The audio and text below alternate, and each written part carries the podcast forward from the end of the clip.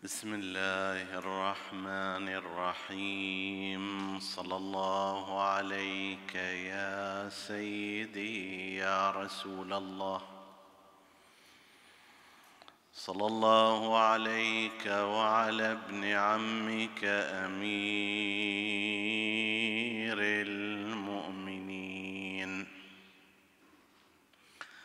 وعلى أهل بيتك الطاهرين. صلى الله عليك يا سيدي ويا مولاي يا أبا عبد الله الحسين.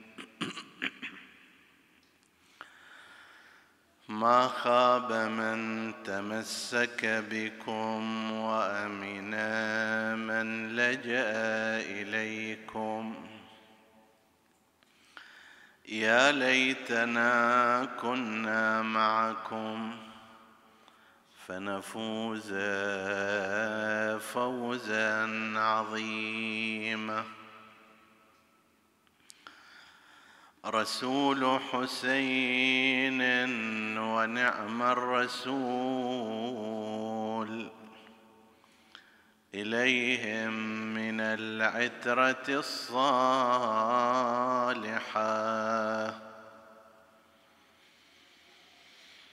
لقد بايعوا رغبة منهم فيا بؤس للبيعه الكاشحة. وقد خذلوه وقد اسلموا وغدرتهم لم تزل واضحة. فيا ابن عقيل فدتك النفوس لعظم رزيتك الفادحة. بكتك دما يا ابن عم الحسين. مدامع شيعتك السافحة. ولا برحت هاطلات الدموع. تحييك غادية رائحة. لأنك لم ترو من شربة ثناياك فيها غدت طائحه رموك من القصر إذ أوثقوك فهل سلمت فيك من جارحة؟ وسحبا تجر بأسواقهم. ألست أميرهم البارحة؟ لئن تقض نحبا فكم في زرود عليك العشية من نائحة لكنما الأمر لله لا حول ولا قوة إلا بالله العلي العظيم. إنا لله وإنا إليه راجعون. وسيعلم الذين ظلموا أي منقلب ينقلبون والعاقبة للمتقين. عطروا مجالسكم بذكر محمد وآل محمد.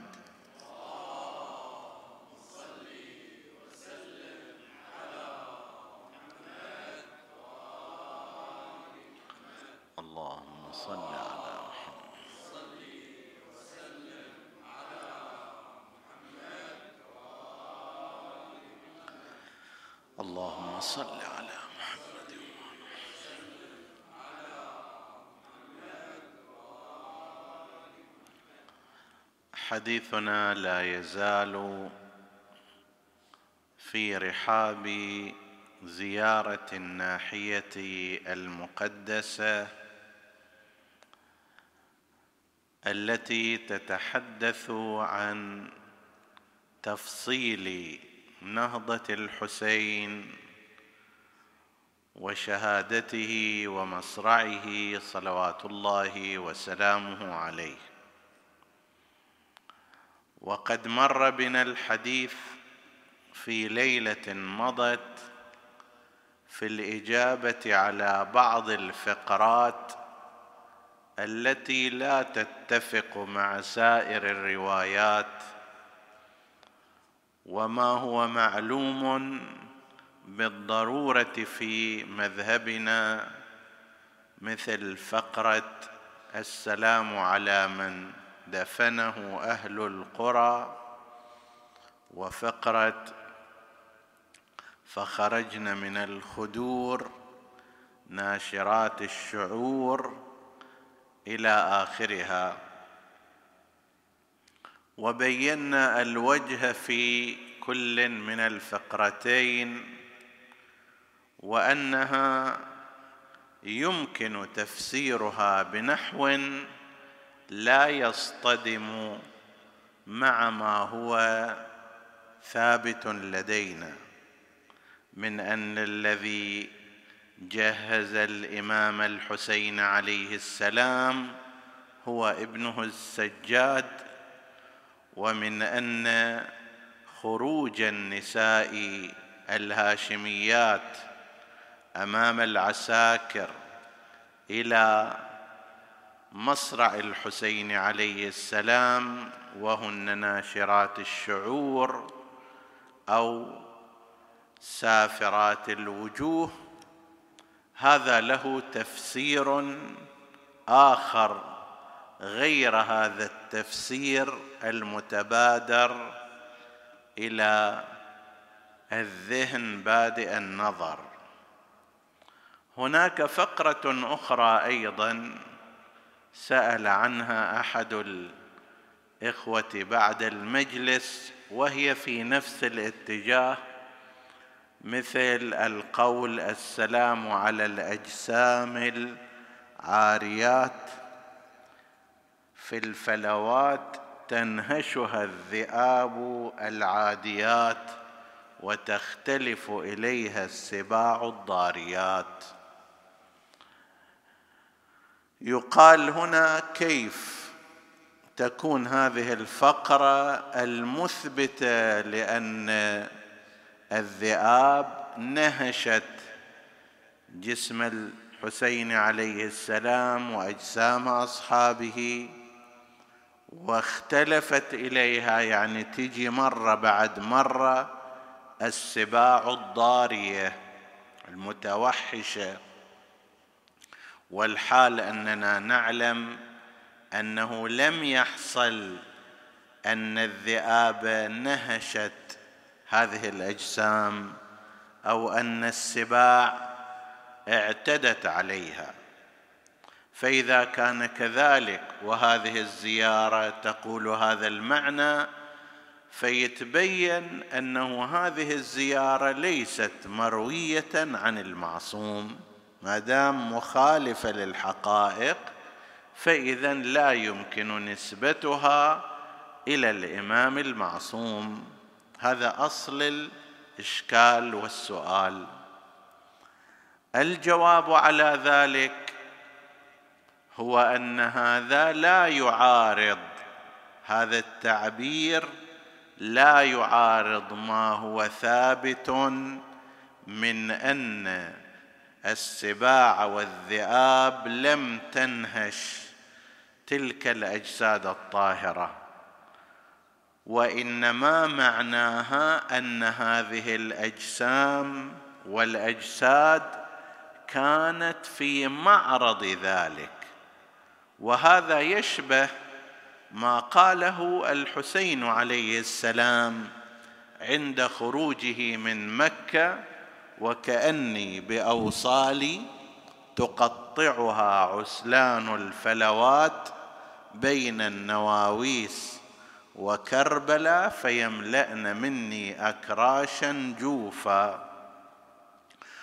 العسلان جمع عاسل وأعسل يعني الذئب يقال للذئب عاسل وأعسل وجمعها عسلان. والمعنى هنا الظاهري أن عسلان الفلوات ذئاب الصحراء تقطع بدن الإمام الحسين عليه السلام وتملأ الأكراش الجوفى والأجربة المتسعة والجائعة. هناك بماذا يفسر هذا الكلام؟ أحد تفسيرين. إما بتفسير المجاز أن هذا أمر ليس حقيقيا وإنما مجازي فشبه الإمام الحسين عليه السلام قتلته والمعتدين عليه بأنهم كالذئاب يمزقون جسده.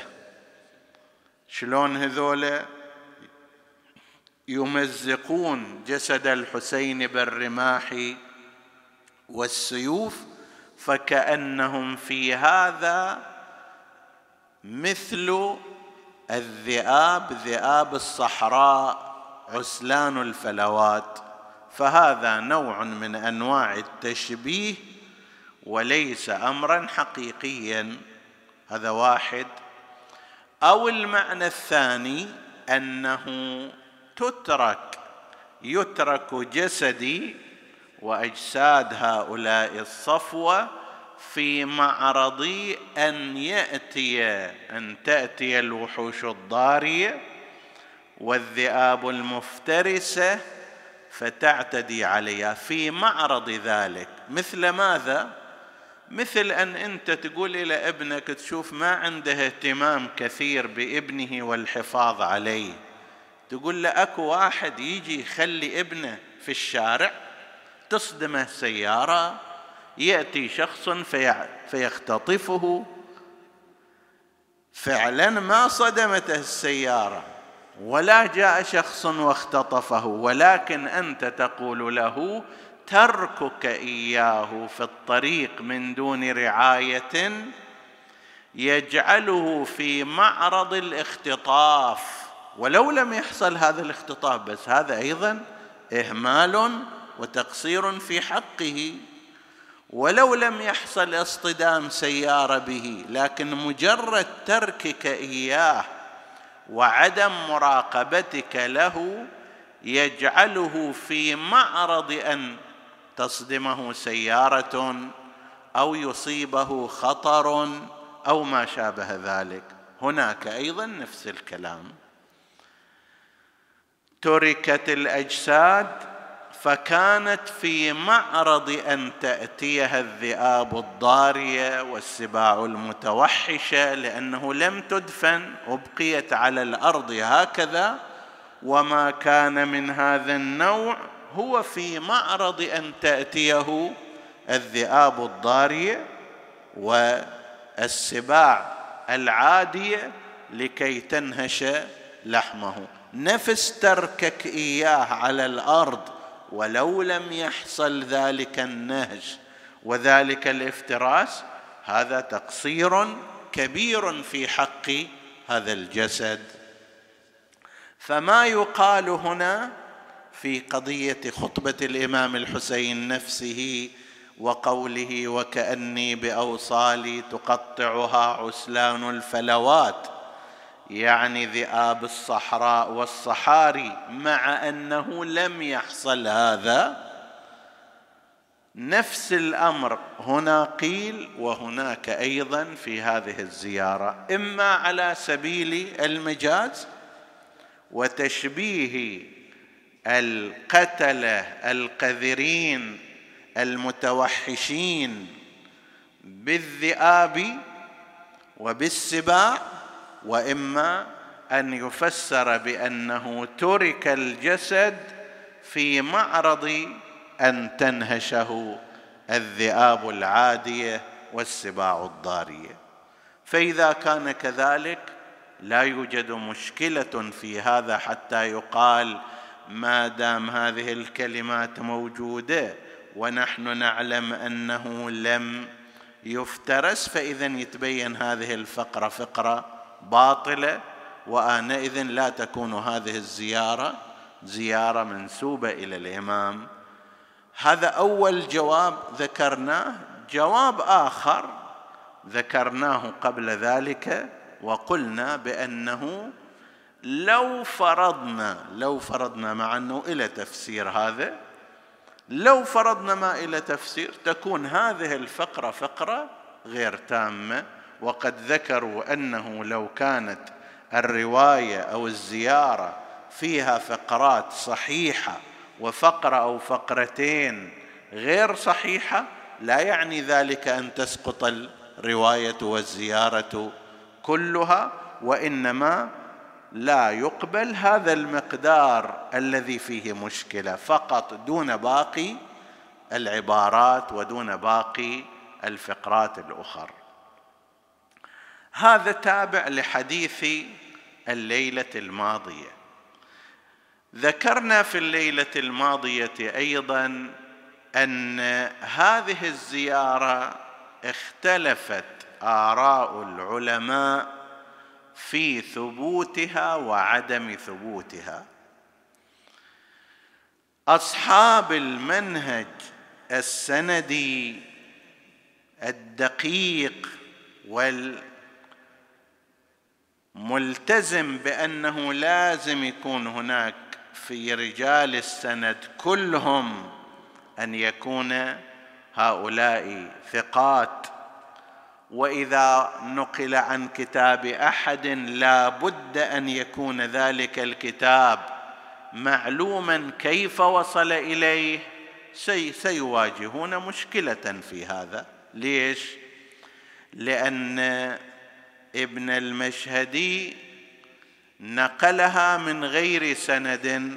ابن المشهدي قال أنا في بداية الكتاب قال أنا استغنيت عن الأسانيد عن ذكرها تفصيلا لتخفيف حجم الكتاب ولكن ما أوردته من الزيارات هذه الكاملات رويتها أو وصلت إلي عن طريق الثقات إلى الأئمة السادات يعني أسانيدي إليها أسانيد شنو؟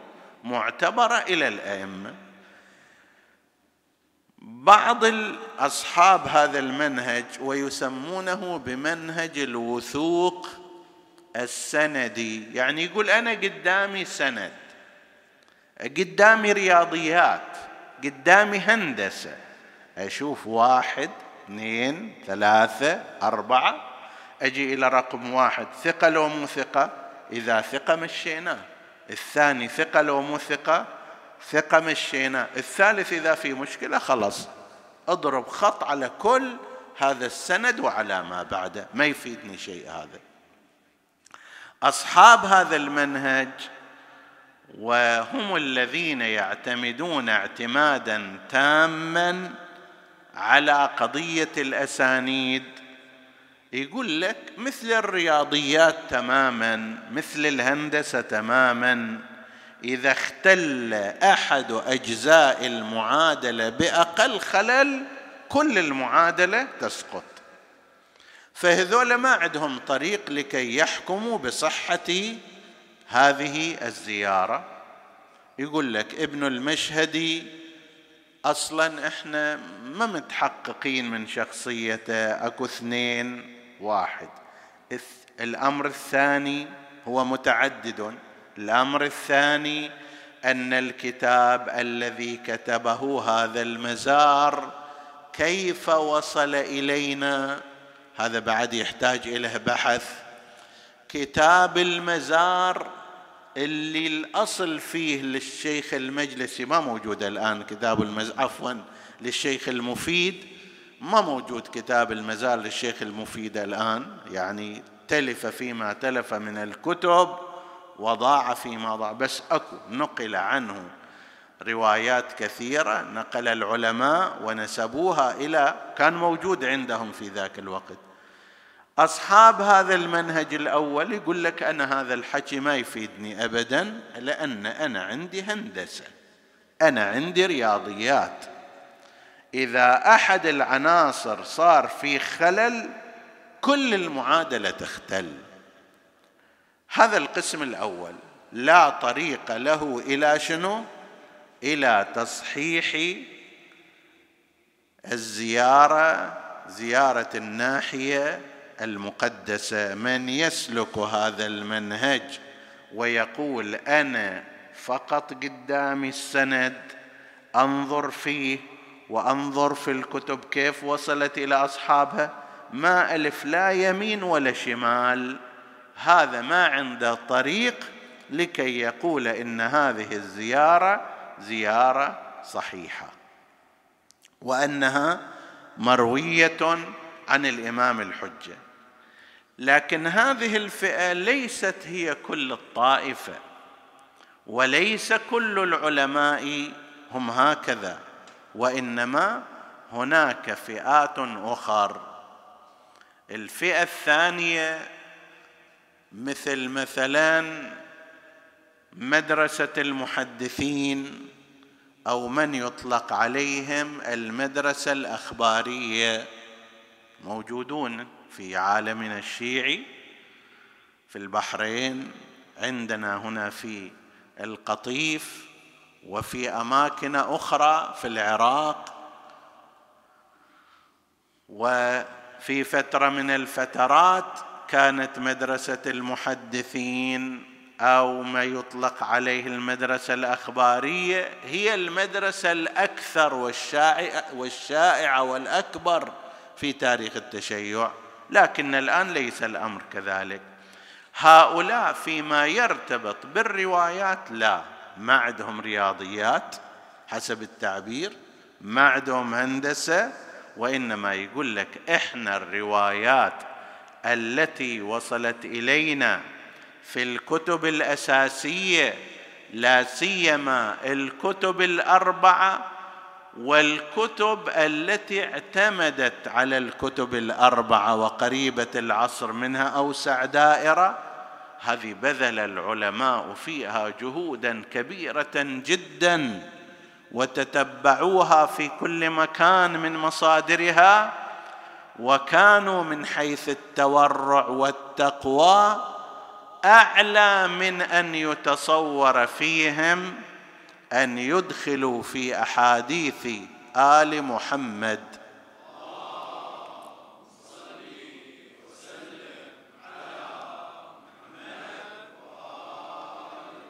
أن يدخلوا فيها ما ليس فيها وأن يعتمدوا ما هو خارج وأجنبي عنها. كانوا جدا متورعين في هذا الجانب. وكانوا أيضا علماء وخبراء في هذا الجانب. مو عندهم جهل لا تتبع جيد تنقيح جيد. فيقول لك اذا هذه الروايات سواء كانت في باب الفقه أو في باب المعارف والعقائد أو في باب الأخلاق أو في باب الدعاء والزيارات هذه وصلت إلينا بطرق معتبرة تم التدقيق فيها غاية التدقيق. وهم يلتزمون في دائرة الكتب الأربعة بل ما هو أوسع منها يعني التهذيب والاستبصار والكافي ومن لا يحضره الفقيه يلتزمون بأن هذه الكتب بل ما هو أوسع منها تحتوي على روايات صحيحة ومعتبرة وينبغي العمل على طبقها. هذه فد مدرسة خاصة. نجي إلى داخل المدرسة الأصولية التي هي المدرسة الشائعة الآن يعني مراجع التقليد الآن في كل مكان في عالم التشيع هم ينتمون إلى المدرسة الأصولية. المدرسة الأصولية فيها اتجاهات. الاتجاه الأول ذكرناه والمعروف هو عن المرحوم السيد الخوئي رضوان الله عليه وقسم من تلامذته. قدامي سند هذا السند صحيح؟ أضرب له تحية. وآخذ به وأفتي به سواء كان في الفقه والروايات الفقهية أو في غيرها. قدامي رواية في سندها أي خلل لا تسألني عنها ولا تقربها مني ولا أحتج بها. هذا الطريق الأول وهذا القسم الأول في المدرسة الأصولية. وأشرنا إليه قبل قليل. القسم الثاني في المدرسة الأصولية هم جماعة يعتقدون أن الأمر أوسع مما ذكره أصحاب الاتجاه السابق. مو فقط السند يقول لك السند الصحيح واحد من مثبتات الرواية الصحيحة. بس أكو عندنا طرق أخرى كثيرة. عندنا على سبيل المثال ما قامت القرائن على صحته وعلى صدوره من المعصوم. لنفترض مثلا أن رواية وجدناها هم. الكليني رواها في الكافي. شيخ الطائفة الطوسي رواها في التهذيب. الصدوق رواها في من لا يحضره الفقيه؟ حتى لو سندها هذه مو تمام. ليس معقولا يقول لك أن ثلاثة من أعاظم المحدثين الذين كتبوا الكتب الأساسية يجمعون على إيراد هذه الرواية في كتبهم وتكون هذه الرواية رواية شنو؟ مكذوبة. ما ممكن هذا. فاذا يتبين ما دام جاء بها هؤلاء في كتبهم المتعددة يتبين أن هذه الرواية مقبولة يوثق بصدورها من المعصوم ولذلك يسمون مسلكهم بمسلك الوثوق الصدوري يعني يثقون بصدورها عن المعصوم. إذا سندها زين ناخذ إليها تحية. نقبلها نعمل فيها. إذا سندها أيضا مو زين ولكن قامت قرائن وإشارات على أن هذه قد صدرت من المعصوم. كما قلنا مثلا لأجل أن ثلاثة من كبار العلماء المحدثين ذكروها في كتبهم. ليس معقولا أنه ثلاثة يجتمعون على شنو؟ رواية باطلة وثلاثتهم. عندهم ذاك الورع العالي وعندهم أيضا ذاك العلم الكثير بالروايات. وخبرة كليني عشرين سنة يشتغل على كتابه الكافي. عمر يعني. شيخ الطائفة الطوسي وإحاطته بالروايات. فمو معقول هذول الثلاثة من العلماء الكبار وهم على تلك الدرجة العالية من التورع ومن التقى ومن الخبرة العلمية يجيبونها في كتبهم ومع ذلك تكون رواية شنو؟ باطلة مو معقول. يقولوا جلبهم إياها في كتبهم قرينة على أنهم مطمئنون بصدورها عن المعصوم عليه السلام. ومن أمثال هذه القرائن كثير من أمثال هالقرائن كثير.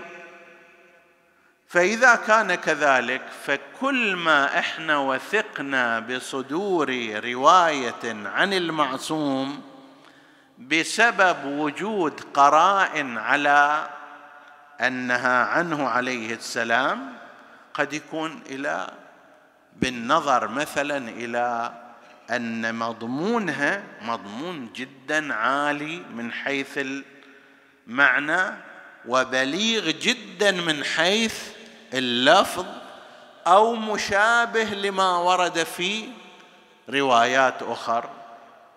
فكأنما تلك الروايات تصدق صدور هذه الرواية. هذا قد يكون أيضا من القرائن على صحتها وما شابه ذلك. فلما يجي يقول لك مثلا زيارة الناحية زيارة الناحية عندما ترجع إلى سائر الزيارات تجد ألفاظ كثير من الزيارات مشابهة إلى هذه الزيارة. بعضها لم يأتي في سائر الزيارات بعض الفقرات ولكن كثير نجد مشابه إلها مماثل إلها بل أحيان منطبق على نفس عبارتها ويريدون في ذلك أمثلة في كيفية السلام على الإمام الحسين عليه السلام في هذه الزيارة. يقول لك هذه قرينة تجعلنا نطمئن بأن بأن هذه الزيارة قد صدرت عن المعصوم عليه السلام. وهذا هم يستفيدون منه حتى في الفقه فما ظنك في موضوع الزيارات والأدعية؟ هذا قسم ثاني. صار عندنا القسم الأول اللي يعتمد فقط السند ما عليه بشيء ثاني ابدا. وهذا القسم لا يستطيع أن يجد طريقا يصحح به زيارة الناحية الشريفة والمقدسة الطريق الثاني والمسلك الثاني هو ما يسمونه بمسلك الوثوق بالصدور وهذا لعله هو الأكثر بين العلماء. الأكثر بين العلماء يقولوا إحنا اللي يهمنا ماذا؟ أن نكون مطمئنين إلى أن هذا الكلام خرج من المعصوم. هذا الاطمئنان مرة يجي من خلال السند المعتبر. رجل ثقة عن رجل ثقة عن ثقة إلى المعصوم. هذا يكسبنا اطمئنان أن المعصوم قد قال هذا الكلام. أكو طرق أخرى أيضا تعطينا نفس النتيجة. تحدث عن هذا الموضوع بشكل مفصل المحدث الحر العاملي رضوان الله تعالى عليه متوفى سنة 1104 هجرية في كتابه وسائل الشيعة. وسائل الشيعة لا يستغني عنه اليوم فقيه أبدا في بحثه الفقهي. لجامعيته ولدقته ولخصائص فيه وهو من مدرسة المحدثين أو ما هو مشهور بالمدرسة الأخبارية.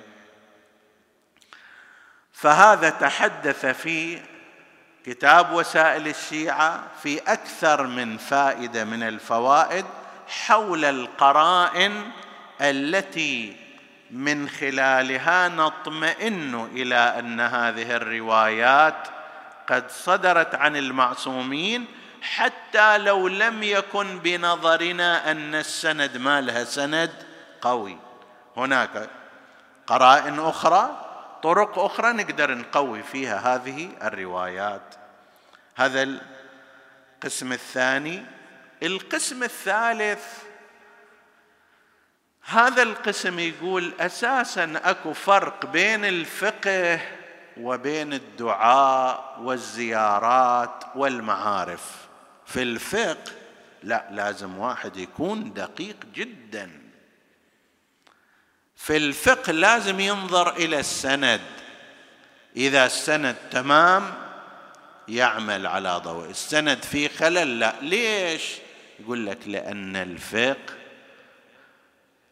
معناه أنك تقول أن حكم الله عز وجل في هذا المكان هو كذا وكذا. الفقه هو هذا غير؟ يعني يقول لك إذا شككت بين الثلاث والأربع فابني على الأكثر. ابني على الأكثر هذا من وين جايب إنه؟ مو من جيبه يقول هذا حكم الله في هذا الباب. هنا البناء على الأكثر. إذا تنجست مثلا بالبول كما هو عند قسم منهم فطهر مرتين. يقول لك مو أنا هذا أقول هذا اللي أقول لك إياه هو حكم الله عز وجل. نسبة الحكم إلى الله شوية تحتاج إلى احتياط زايد حتى لا يصير الإنسان مفتري على الله كاذب على الله. فهناك يحتاج إلى تدقيق زايد ومن التدقيق الكثير أن يحقق في أمر السند. هذا في وين؟ في الفقه. حرام حلال واجب غير واجب طاهر نجس. هذه كلها لأنها في الواقع أنت دا تقول للناس هذه أحكام الله فإذا أنت تهاونت فيها من الممكن أن يؤدي ذلك إلى الافتراء على الله عز وجل. ولو أردنا أن نمثلها بمثال بسيط إذا عندك مثلا عشرة ملايين ريال طريقة محافظتك عليها وتسليمها إلى الغير تختلف عما إذا كان عشره ريالات. صحيح ولا لا؟ إذا عندك عشرة ملايين اولا تخلي إيدك على جيبك هالشكل وكل شوية تطالع وتحسبها. لا يكون خرت لا يكون واحد نشلها من عندك. زين؟ ولما تروح تسلمها إلى واحد تقول لك اكتب لي وصل بأنك استلمت. أما إذا عشر ريال شنو؟ هل تسوي نفس الشيء؟ عادة لا يصنع الإنسان في المبالغ الزهيدة هكذا. ليش؟ لأن هذا أمر ينبغي أن يعتنى به فوق اللازم. أحكام الله بمعنى أن تقول هذا واجب وهذا مو واجب. وهذا حلال وهذا حرام هي مثل العشرة ملايين. وأما الباقي دعاء مثلا تقرأ دعاء. هذا لا يحتاج إلى اعتناء كبير في السند مثل الاعتناء بالروايه الفقهية. مثل شيء في الأخلاق. رواية أخلاقية خف الله كأنك تراه. ما يحتاج تروح تدقق في السند زايد فيها. وإنما تنظر إلى المضمون. مضمون مالها المعنى مالها المحتوى مالها. محتوى معقول متفق مع باقي الأصول الإسلامية أو لا؟ ويقول لك هذا أمر الأدعية وأمر الزيارات وأمر الأخلاق كل من هالنوع هذا ما يحتاج إلى تدقيق في السند وإنما النظر كل النظر إلى المضمون.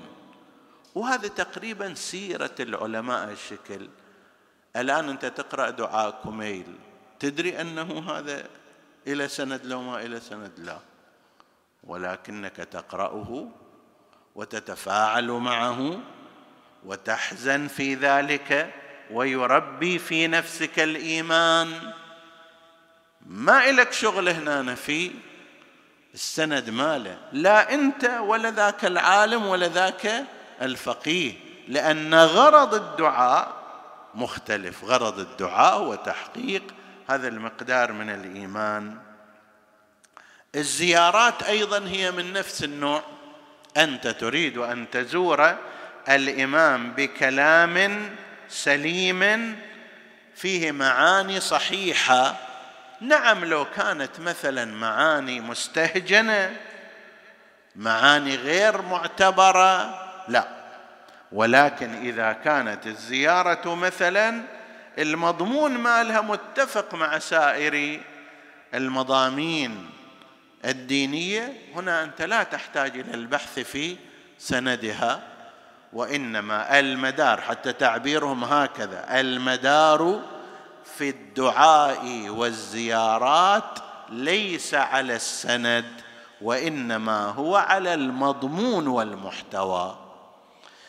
إذا على المضمون والمحتوى يقول لك هذه الزيارة من الزيارات العالية التي كان يداوم عليها العلماء والشيعة منذ أن وجدت في الكتب إلى يومك هذا منذ كتبها صاحب كتاب المزار ابن المشهدي في كتابه قبل سنة 600 هجرية إلى يومك هذا الشيعة أهل البيت من علمائهم وفقهائهم وعامتهم يقرؤون هذه الزيارة وينفعلون بها ويجدون فيها كلاما متقنا في كل الجهات من جهات الفاجعة وحتى من جهات أيضا تحرك الإمام الحسين عليه السلام وماذا كان يهدف. كان البناء لو الوقت يتسع نتحدث عن الهيكل العام لهذه الزيارة. ثم نبدأ نشرح كل نقطة أساسية فيها. نشير إلى ذلك إشارات سريعة ولا يستوعب كما يبدو الوقت كل هذا الحديث حول الهيكل العام للزيارة. زيارة الناحية إذن بناء على المسلك الثالث اللي يقول أنه المدار في الزيارات والأدعية بل والأخلاق إنما هو على ماذا؟ على المضمون والمحتوى وما فيه من المعاني. ليس المدار على السند رواها فلان عن فلان عن فلان لا. تختلف هذه عن الفقه. الفقه يجب التدقيق فيه بهذا المعنى أبو عشرة ملايين. لكن الزيارة والأخلاق والدعاء ليست كذلك وإنما المدار على مضمونها معانيها ما جاء فيها من الألفاظ والمحتوى هو الذي ينبغي التدقيق فيه والنظر إليه. هذول في راحة يقول لك هذه الزيارة مضامينها مضامين عالية قوية علماء نسبوها إلى الإمام الحجة عجل الله تعالى فرجه الشريف. عباراتها تعرب عن انتسابها إلى المعصوم. فإذا نحن نعتبرها زيارة تامة ونزور بها. ولا يضرها أصلا أنه سند أكو لو ماكو وإذا أكو ضعيف لو قوي ما يضرها في شيء. هذا القسم الثالث الأخير. القسم الثاني قلنا هذول يقولوا صحيح إحنا لابد أن ننظر إلى الأسانيد لكن ليست الطريقة الوحيدة هي الأسانيد. إحدى الطرق التي تبين لنا أن هذه الزيارة معتبرة أحد الطرق وإحدى الطرق هي أن يكون لها سند معتبر لكن أكو طرق أخرى أيضا. لو رأينا كل الشيعة خلال هذه السنوات من سنة 600 إلى زماننا بعلمائهم بعامتهم بصغيرهم بكبيرهم بخطيبهم بمستمعهم. زين؟ وفيهم الفقهاء وفيهم العلماء ومع ذلك هم يقرؤونها. هذا يتبين منها أن هذه من القرائن على سلامة صدورها وصحتها عند الطائفة. لو رأينا أنها مثلا موجودة في كتب هي محل اعتبار واعتناء أيضا كذلك. فعند هذا الفريق أيضا هذه الزيارة يمكن أن تكون معتبرة باعتبار وجود قرينة أو أكثر على هذا المعنى.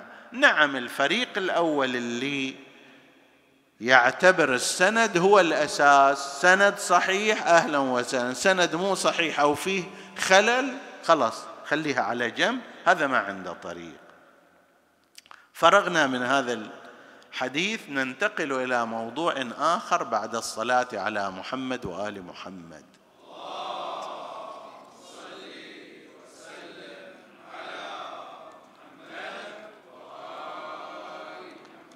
الهيكل العام لزيارة الناحية المقدسة.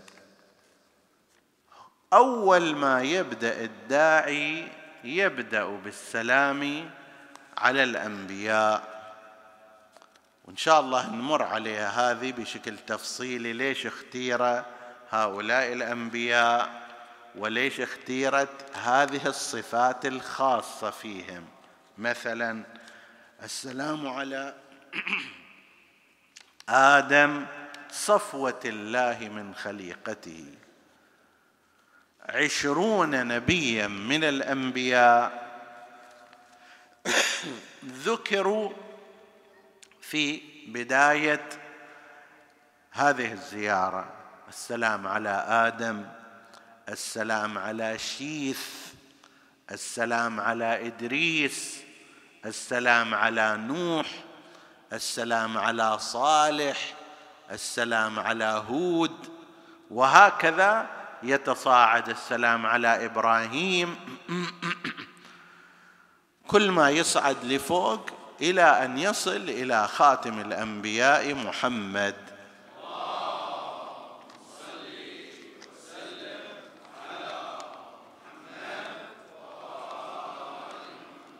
ويختار في كل نبي صفة بارزة من صفاته.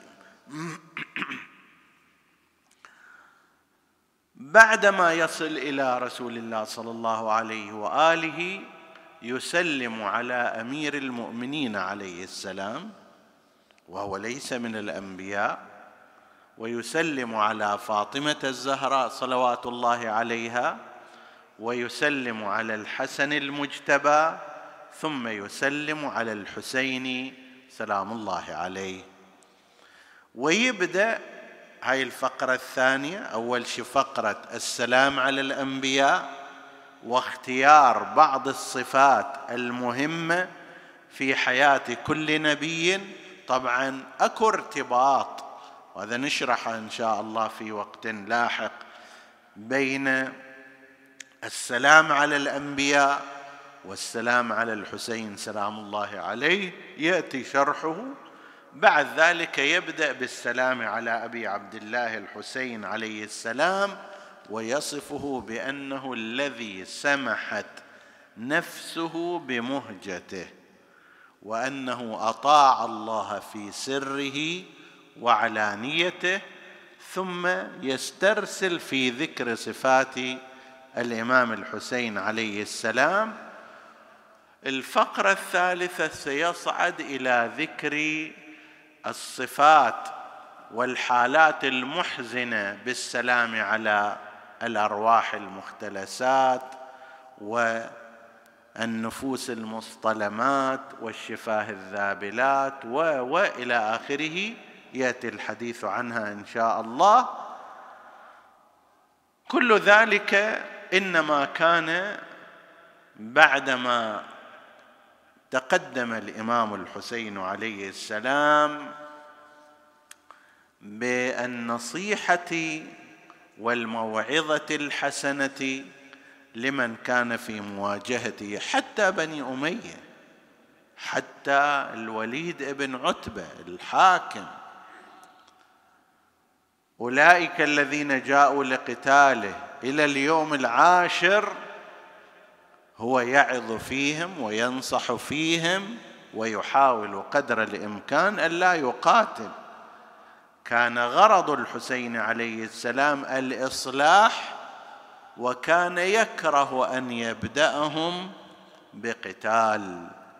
لكن ذاك الطرف كان مستعدا لأن يريق الدماء ولا يسمح لهذا الإصلاح بأن يحصل والذي جرى مع مسلم ابن عقيل سلام الله عليه هو نموذج.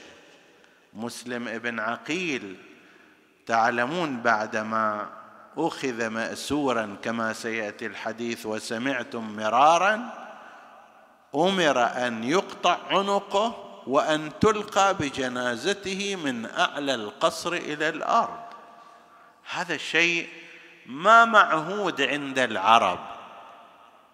وبعضهم يرى أن هذا من مما ورثه عبيد الله بن زياد حيث كان يرتضخ الفارسية والكسروية. لم يكن عربي الأصل ابن زياد وأمه كانت فيها لكنة ليست عربية ولازمت ابن زياد إلى وقت متأخر.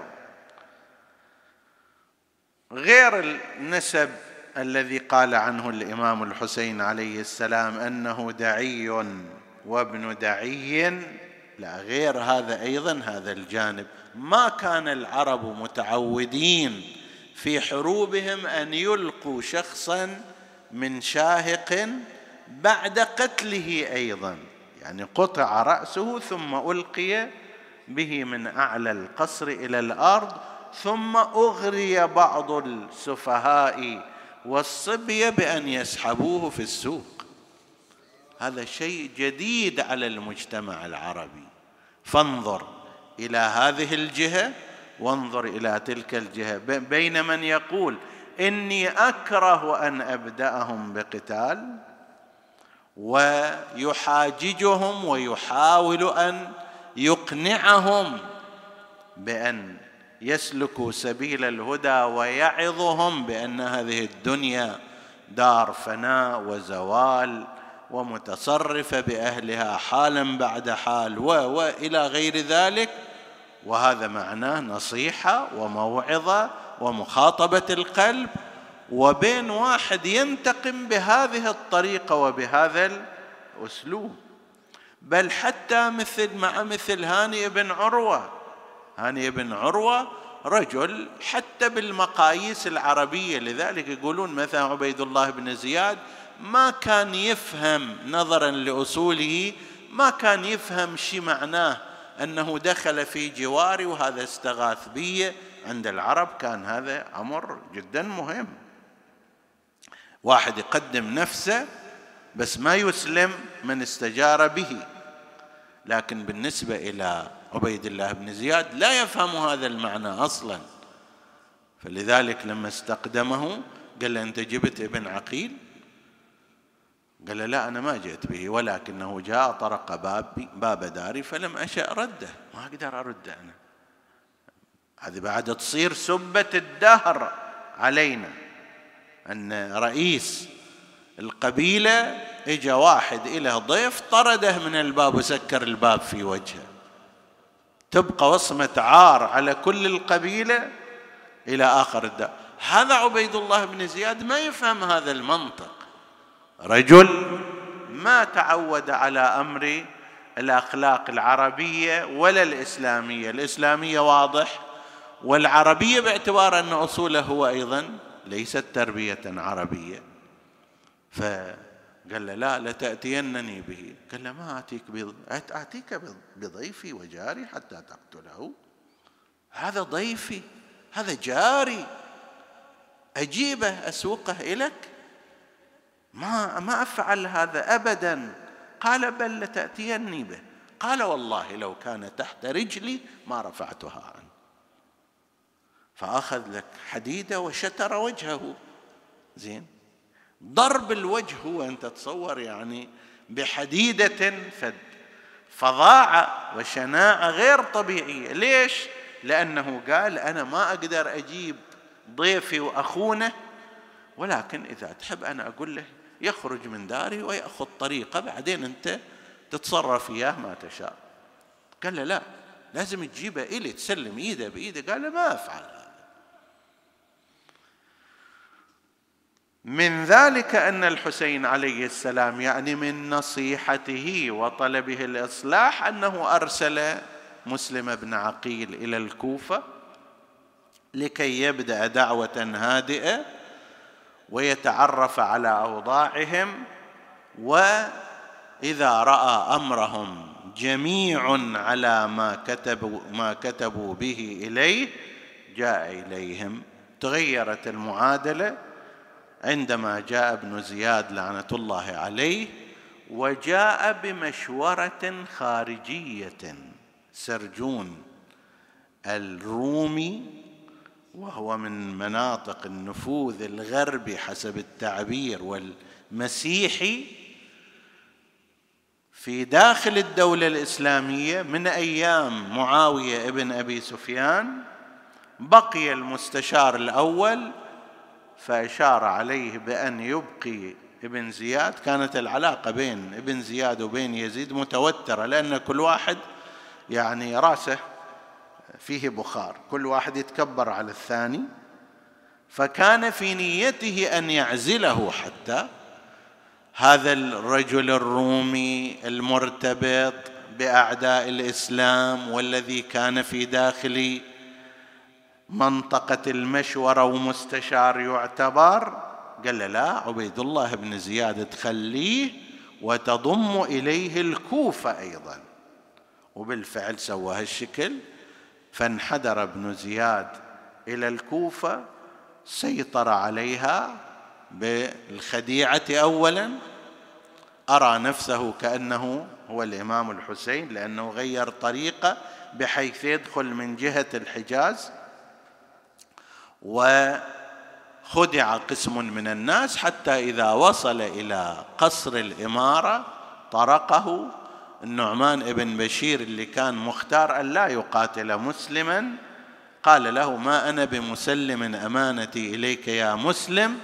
فقال له ابن زياد افتح لا فتح الله عليك أنا ابن زياد وأنا جيت بعزلك أنت معزول أنا الأمير.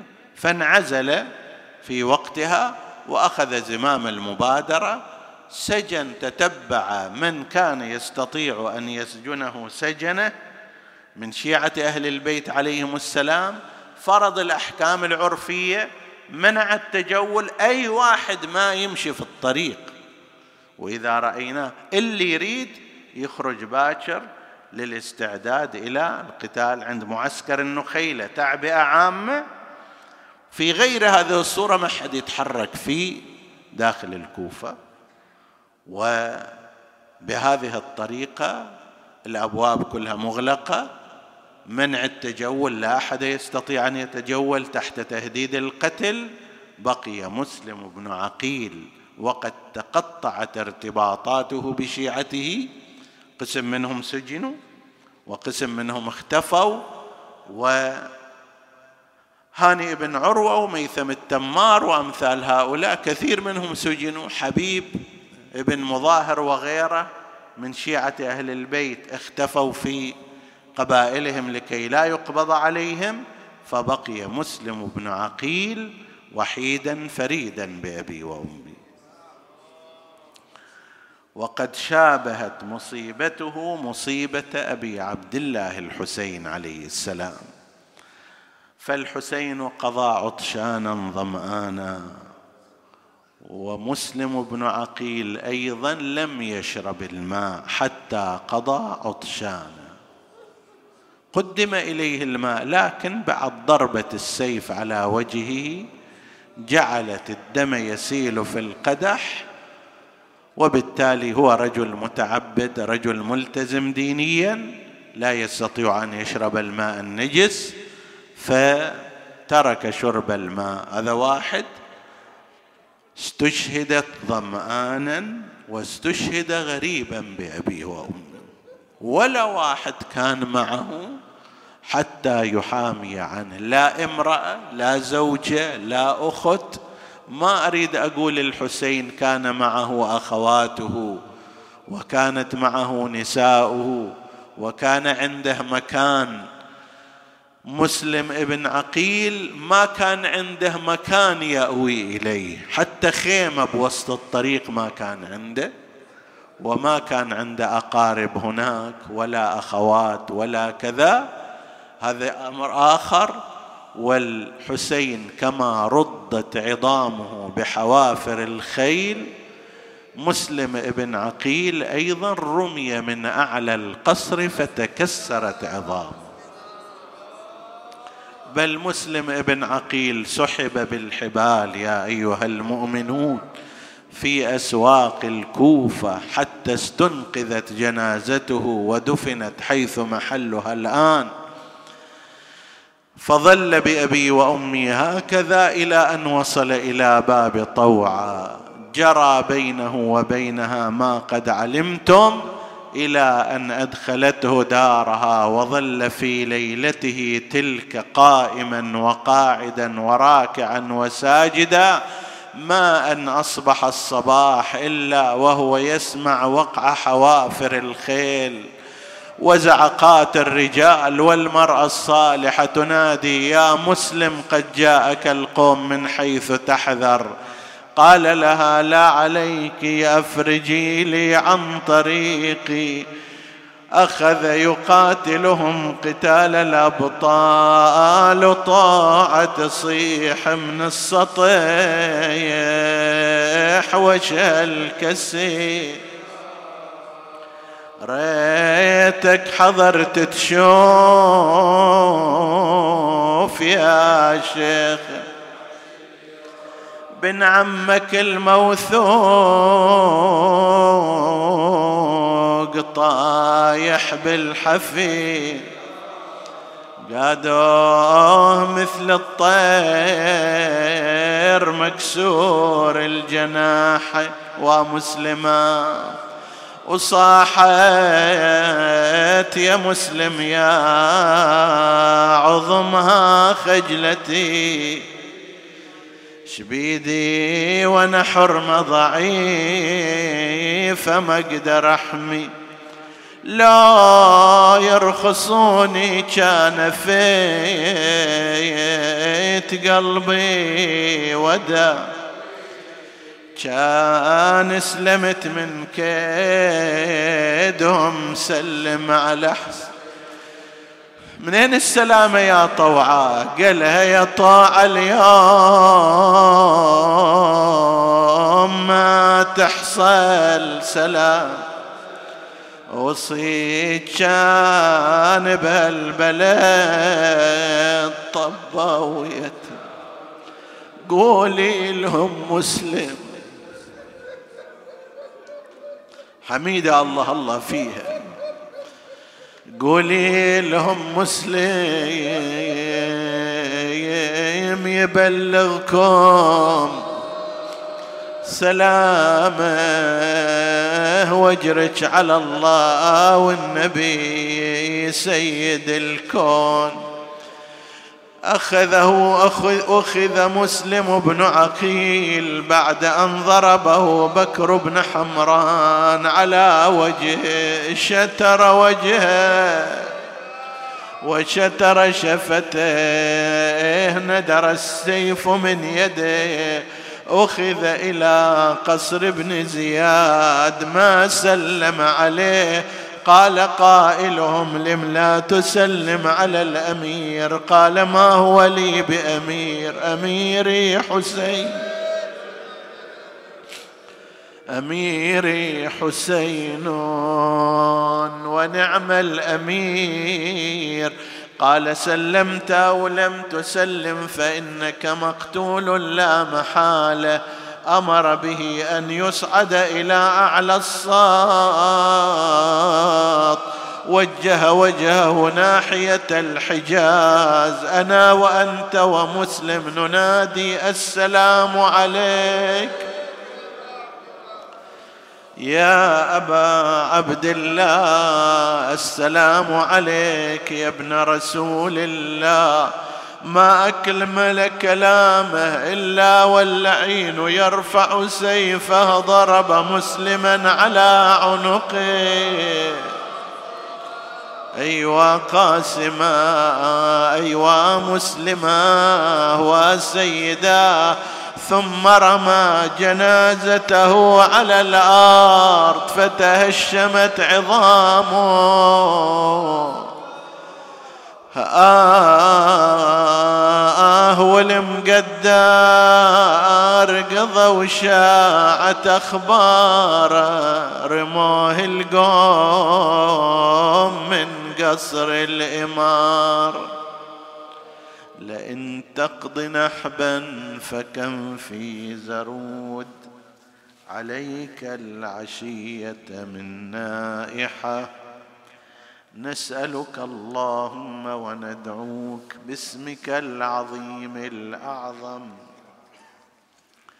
الأعز الأجل الأكرم يا الله اغفر لنا ذنوبنا كفر عنا سيئاتنا آمنا في أوطاننا. لا تسلط علينا من لا يخافك ولا يرحمنا. ولا تفرق بيننا وبين محمد وآله طرفة عين. احفظ اللهم إخواني السامعين فردا فردا واقض حوائجهم. اشف اللهم مرضاهم لا سيما المرضى المنظورين. ومن أوصانا بالدعاء. وتقبل اللهم عمل المؤسسين بأحسن القبول. إلى أرواح موتاهم وموتى السامعين. نهدي ثواب الفاتحة تسبقها الصلوات.